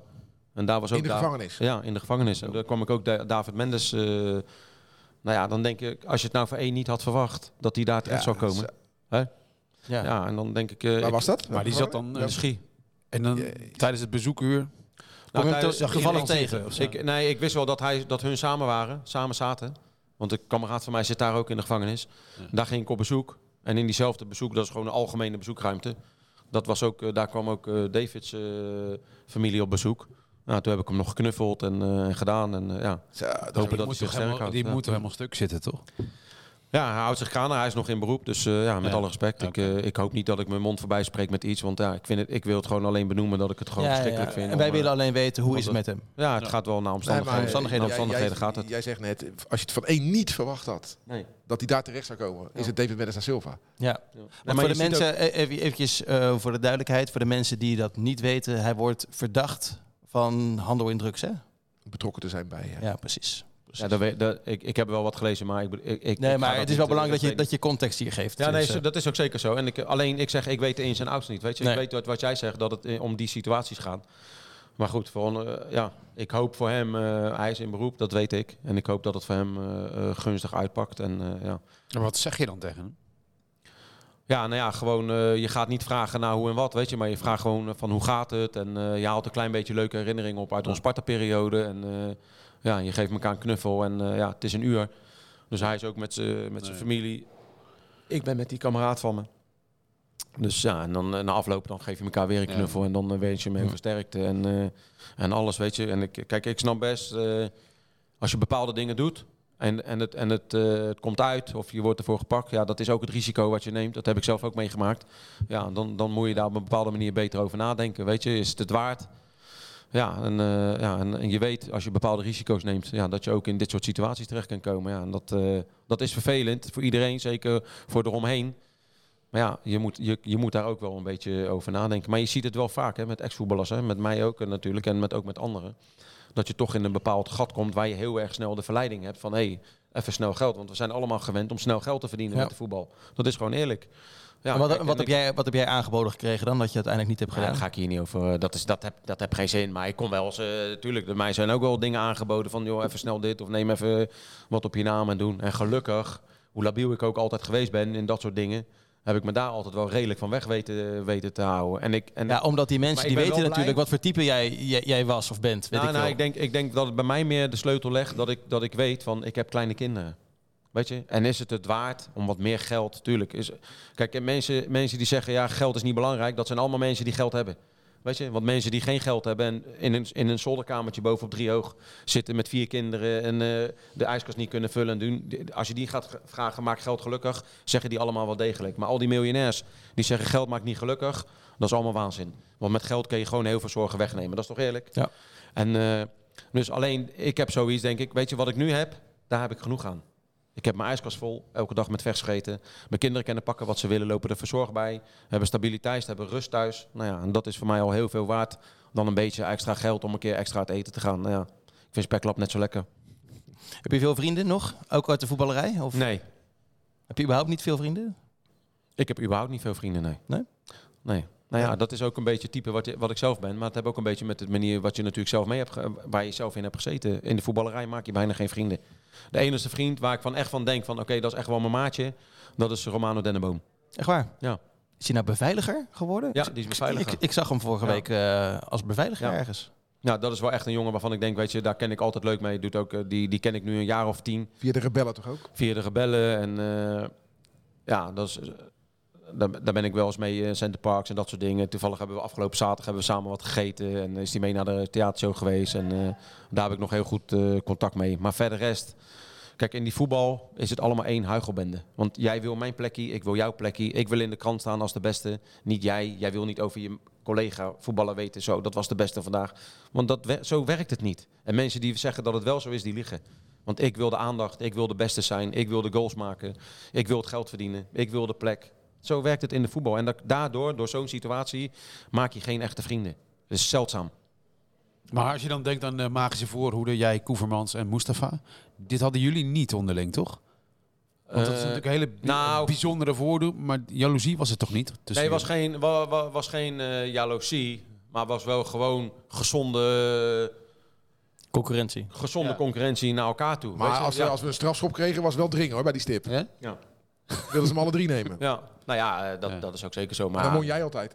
Ja. Nee, maar ja, dat is ook een beetje de persoonlijkheid, weet je. En denk ik ook, ja, ja, dat is gewoon een beetje... En dat is ook niet altijd goed, want dat, dat geeft ook niet dat je heel veel vrienden maakt. Maar dat is wel gewoon... Dat, ik was ook een egoïst. Ja. Maar ik geef het wel toe. Ik wilde ook de beste zijn. Ik wilde ook de aandacht. Ik wilde in de krant komen. En ik wilde dat mensen over mij schreven dat ik de beste was. Ja, dat is ook niet heel erg ongezond. Alleen daardoor maak je niet heel veel vrienden. Ik wil, eh, me- ik wil even naar de Spartaan van de Week. Ja, nee, het is een, een, iets andere podcast eh, dan normaal. We hebben altijd een eh, sport... Ja, nee, ja, zulke... zulke gooi er een gulden in? Ja. Eh, we, we hoeven geen Spart voor Spartaan van de week te doen. Of heb jij er een? eh? Ja, ik heb er wel een. Nou, oké. De Spartaan van de week. Nou, wie heb je dan? Nou, we hebben een nieuw talent getekend. Dat is nou de Oh, Spartaan van de week. Ja. Joh, Hamza Eldari heet hij. viel die een beetje aardig in? Vond ik eigenlijk wel. 18 heel jaar, toch? Maar die jongen zit al vanaf zijn 18 jaar, negende bij, bij Sparta of zo. Toch? Dat is wel Dat is leuk. mooi. Kijk, ons is natuurlijk verteld dat we nooit meer 8,5 en 9's op het veld zullen zien. Want die gaan allemaal voordat ze kunnen debuteren naar Ajax, Feyenoord, PSV, noem maar op. Eh, maar hier is opeens een jongen die al vanaf zijn negende bij Sparta loopt. Echt een talent. En hij heeft getekend tot 2027, 3,5 Maar dan zou- jaar. Maar dan zou je kritisch kunnen zijn. Dan is hij blijkbaar niet goed genoeg, goed nee, genoeg om is weggehaald te worden. opgeraapt. Maar wij hebben hem getekend en dat, was, dat is zo'n leuk eh, video-interview. Moet je maar even kijken. Het is echt on- super Maar het wil- ontwapenend. Sorry, het wil natuurlijk ook niet zeggen, Ruud, dat als je wel naar Ajax of PSV of Feyenoord gaat, dat je heel goed wordt. Nee, dat is waar. Dat is zonder meer maar. Maar ik, ik, ik, wil, ik schrok wel eh, zondag als je dan ziet dat Eldari en eh wie was Anello? invallen? Anello. Als dat onze invallers zijn als we een slotoffensief willen gaan losmaken, dan weet je van, dit gaat niet Nee. gebeuren. En heeft die Anella nou echt 4 ton gekost? Dat weet ik niet. Ik weet wel dat hij op een voetballer lijkt, want hij heeft ook donkerblauwe armen. Maar eh, in zijn acties zie ik het nog niet echt. eh. Nee, hè? Naast mij zat iemand die noemde hem een blind paard. En dat leek het wel een beetje op. En dan die bank van Utrecht. Zo, Eerst viel Viergever in. Toornstra bleef dan op de bank zitten. eh, Ramselaar, Boussaïd. allemaal eh, 30 plus, hè? Op de tribune moesten we lachen van ja, wat is dit Ja, nou? maar, maar wel wat Ja, beter dan wat Sparta in de eh, op de bank heeft. Jawel, nee, maar ik bedoel ook wat, wat, eh, wat Jans ook. Voor Jans is dit een veel te oud elftal. Dat zeg, geeft Ja, ook gewoon eh, eerlijk toe. Ja, ja. Ja, maar hij had er niet in hoeven, had er niet in hoeven stappen natuurlijk. Dat weet je van tevoren. Nee, maar ik denk dat hij wel van de uitdaging houdt altijd. En dat het wel zo'n trainer is die... Kijk, ik vind ook wel weer... Kijk, dit, dit, eh, dit zegt ook wel weer wat over hem. Je kan ook eh, denken van nou... eh, Kijk, bij, bij een, een ploeg die vijfde staat, die ontslaan de trainer niet. Nee, maar, Nee, en nu staan ze achttiende en dan wordt hij ontslagen. En hij denkt, ja, nou, eh, ik ga er proberen wat van te maken. nee, maar als je kijkt naar, naar die vier namen die we net noemen, viergever Ramselaar, Boussaïd en eh Toornstra. Ik denk dat ze alle vier basisspelers bij ons zouden zijn. Ja, ik denk het ook. Ja. Nou ja, dat, dat denk ik ook, ja. Nou ja, ja. Nou, ik vind dat je toch met die eh Kitolana en die andere... vind ik toch wel dat je ook wel aardige spelers op die positie hebt, die Guzman. Nou, dan gaat Toornstra ook niet heel snel spelen, denk ik. Hey, je zei net eh, vooraf dat je niemand kende van Sparta, maar nu eh, schud je toch even Nou, twee... schoten, eh, schoten met de twee te winnen, maar je moet ook niet verder vragen nu. Kitolana. Kitolana. Kitolana. Ja. Eh, Bakari verdient een compliment. Vond ik echt goed spelen. Een paar hele goede voorzetten. Hij had één keer bijna kunnen scoren. En die tweede had echt ingemoeid. Nou, en het is leuk dat Negli eh, eh, Ja, ja, scoort. ja. Ja, het is gewoon te hopen dat Ja. Sparta het, het, het zo vol kan, een beetje stabiel eh, rond de tiende plek kan eh, komen toch? Kijk, natuurlijk, verleden jaar is een uitschieter geweest. Maar het is toch Ja, niet, en dan word je verwend, dat snap ik ook wel. Maar moet ook wel realistisch blijven, toch? Eh, Het kan ook, eh, met al, ik hoop het niet, maar je kan ook zo volgend jaar maar weer vijftiende eindigen of, eh, of wat dan ook. Ja. Ja. Ja. en daar moet je proberen toch van te bewaken. Dat je niet weer zo'n terugval krijgt als wat Groningen nu weer meemaakt. Ja. Dat je er per, ongeluk weer in één keer uit kan vallen. Je ziet nu met Vitesse, Utrecht, ja. Nou, Vitesse gaat echt heel moeilijk krijgen, hoor. Dat denk ik ook. Ik had nog een naam voor... Weinig wedstrijden meer, meer winnen. Dat, Ik had nog een naam als Spartaan van de week. Willem Vermeer. Het is eh, deze week tien jaar geleden dat hij voorafgaat aan Sparta Helmond Sport een, eh, een hartstilstand kreeg. Was kantje boord, maar hij is er gelukkig weer bovenop gekomen. Ik weet niet of het eh, die Sparta Helmond was. Die eindigde in 0-5. Dat, eh, Nee, dat was eerder. nee, dat Ja. is veel langer geleden. 20 jaar geleden. Ja, precies. Maar het gaat, het gaat weer goed met hem en dat is fijn. Dus is, dat waren geen hartaanvallen, maar hartverzakkingen die we dachten. Ja, ja. Ja. Dat, was, dat was misschien wel het dieptepunt eh, van deze eeuw. Ik heb ook nog posten binnengekregen. Wat zit er in die gleuf? Tijd voor de post. Zit ik er nou te lachen? Nou gaan we het krijgen hoor. Nou, nou gaan we het krijgen. Nee, nee, nee, helemaal niet. Nee, het is, eh, j- jij hebt wat binnengekregen, ook, nou, ook voor ons, aan ons gericht, van eh, eh, Jim Dreves, de schoonzoon van Ruud Hartman. En die, wil, die wilde ons bedanken. Lief, ja, mooi, als eerbetoon voor, de, voor de overleden Ruud Hartman in deze podcast. Dus dat, dat, was de, dat was de post. Er was nog een vraag ook binnengekomen voor jou. Je hebt laatst je haar ergens afgeschoren bij af, afgelopen weekend. Toen je met de rebellen ergens een klein optredentje had. Of je daar spijt van had. Dat het te veel van het haar af was gegaan. Wat heb je nou gedaan? Op Nou ja, kijk, wij, hebben, we- wij spelen altijd met die rebellen, eindigen we de, de show altijd met een quiz. En dan kan iedereen, iedereen doet daar per koppel aan mee. En uiteindelijk komt het winnende koppel komt naar voren op het podium op. En die spelen ook nog een 1 tegen 1 spel. En de winnaar daarvan die mag uitkiezen van een boek van John de Wolf of Andy of Sjaak. Nou ja, zo gelukkig zijn die winnaars denk ik dan ook niet. Maar... En de verliezer die moet dan een rad draaien. En die kan dan of op eh, een taart of een vraagteken. Dan mag hij ook wat uitzoeken. Of als Bassie. En, of het tondeuzen. Nou, en die jongen die draait en die komt op het tondeuzen. Ik zei, nou, nou, kom op, dit was geen goede draai. Slinger nog maar een keer. En hij slingert weer. Toen kwam hij weer op de deus. Ik denk, nou ja, nou kies je er ook wel zelf voor om... eh, ja, maar dus ik pak dat tondeuzen en ik wil een stukje bij hem weghalen. Maar ja, ik schoot iets door. Dus ik heb hem een goede, goede racebaan van achteren gegeven. Het- hij vond het zelfs zo erg dat hij, zich, dat hij zich eh, op hetzelfde na de show... gelijk direct alles heeft laten eh, afscheren. Dus eh, nee, geen spijt van, nee. Nee, precies. Eh, dan zijn we er, jongens. Glazen bol hebben we nog. De glazen bol. En daarin gaan we altijd voorspellen. Oké. Nou, dan kijken we naar de We volgende zaten, wedstrijd. er, we zaten er allemaal naast, hè? Eh, ja, we hadden, jij had 1-1 voorspeld bij, bij Sparta Utrecht. Eh, Anton 3-1. Ik had 0-0 eh, voorspeld. Eh, ik ben er een beetje klaar mee met eh, Sparta niet laten verliezen. Dus ik denk dat Heracles gaat winnen met 2-1 eerste doelpunt van Sanko. Ja, ik moet terugkomen. Ik sta onderaan namelijk in, de, in de voorspellingen. 1-1 Dus, eh, eh, risico's 1-1 Lauritsen. Eh 0-2, Lauritsen. Ricky, wat denk jij? Hoeveel wordt het? Heracles Sparta? Eh 2-1 voor Heracles. Nou, dan eh, kunnen wij elkaar eh, de hand eh, schudden. Dan heb jij daar verstand van, hoop ik. Nou ja, ik, eh nou ja, ik, ik, ik hoop, niet. Ik hoop, het het niet, voor. Sparta niet. probeer maar Maar, raaien joh, nog. maar je, en je gaat niet? Nou ja, waarschijnlijk. Ja, nee, nee, nee. Eh, Als jij nu al twijfelt, ga jij zaterdagavond, stap jij niet twee uur in de auto. Nee, ik, had, eh, ik dacht ik ga eh, met mijn zoon en dan eh theaterhotel lekker overnachting en eh, En je houdt toch van lekker eten? Daar zit toch die, die vreedschuur van Preston Palace? Dan kan je daar eh, naartoe gaan. Dan kan je Ja, maar helemaal vol Maar je- Dat is toch een theaterhotel? Oh, is dat het theaterhotel? Nee, dat is Nee, dat is wat anders. Nee. Is dat, is dat niet hetzelfde? Nee. Maar als jij zegt, Van der Valk kwijt. kijk, je zegt het heel goed, je houdt van lekker eten. Dus dan ga ik niet bij Preston Palace eten. Maar je houdt wel van veel eten, toch? Ja, dat heb je Maar dat, is, maar dat is een andere vraag. Ja, dat is Ja, wel veel eten, ja, nee. Beetje zwemmen. Lekker man. Ja, dat is wel mooi hoor daar. Wil je nog een keer langskomen? Ja, maar dan ga ik nou wel wat voor rekenen hoor. Want eh, nee, nee, nee, natuurlijk. Nee, joh. nee ik kom, eh, als het eh, nog een keer nodig is, dan geen probleem. Ik vond, want, je hebt niet alles verteld, toch?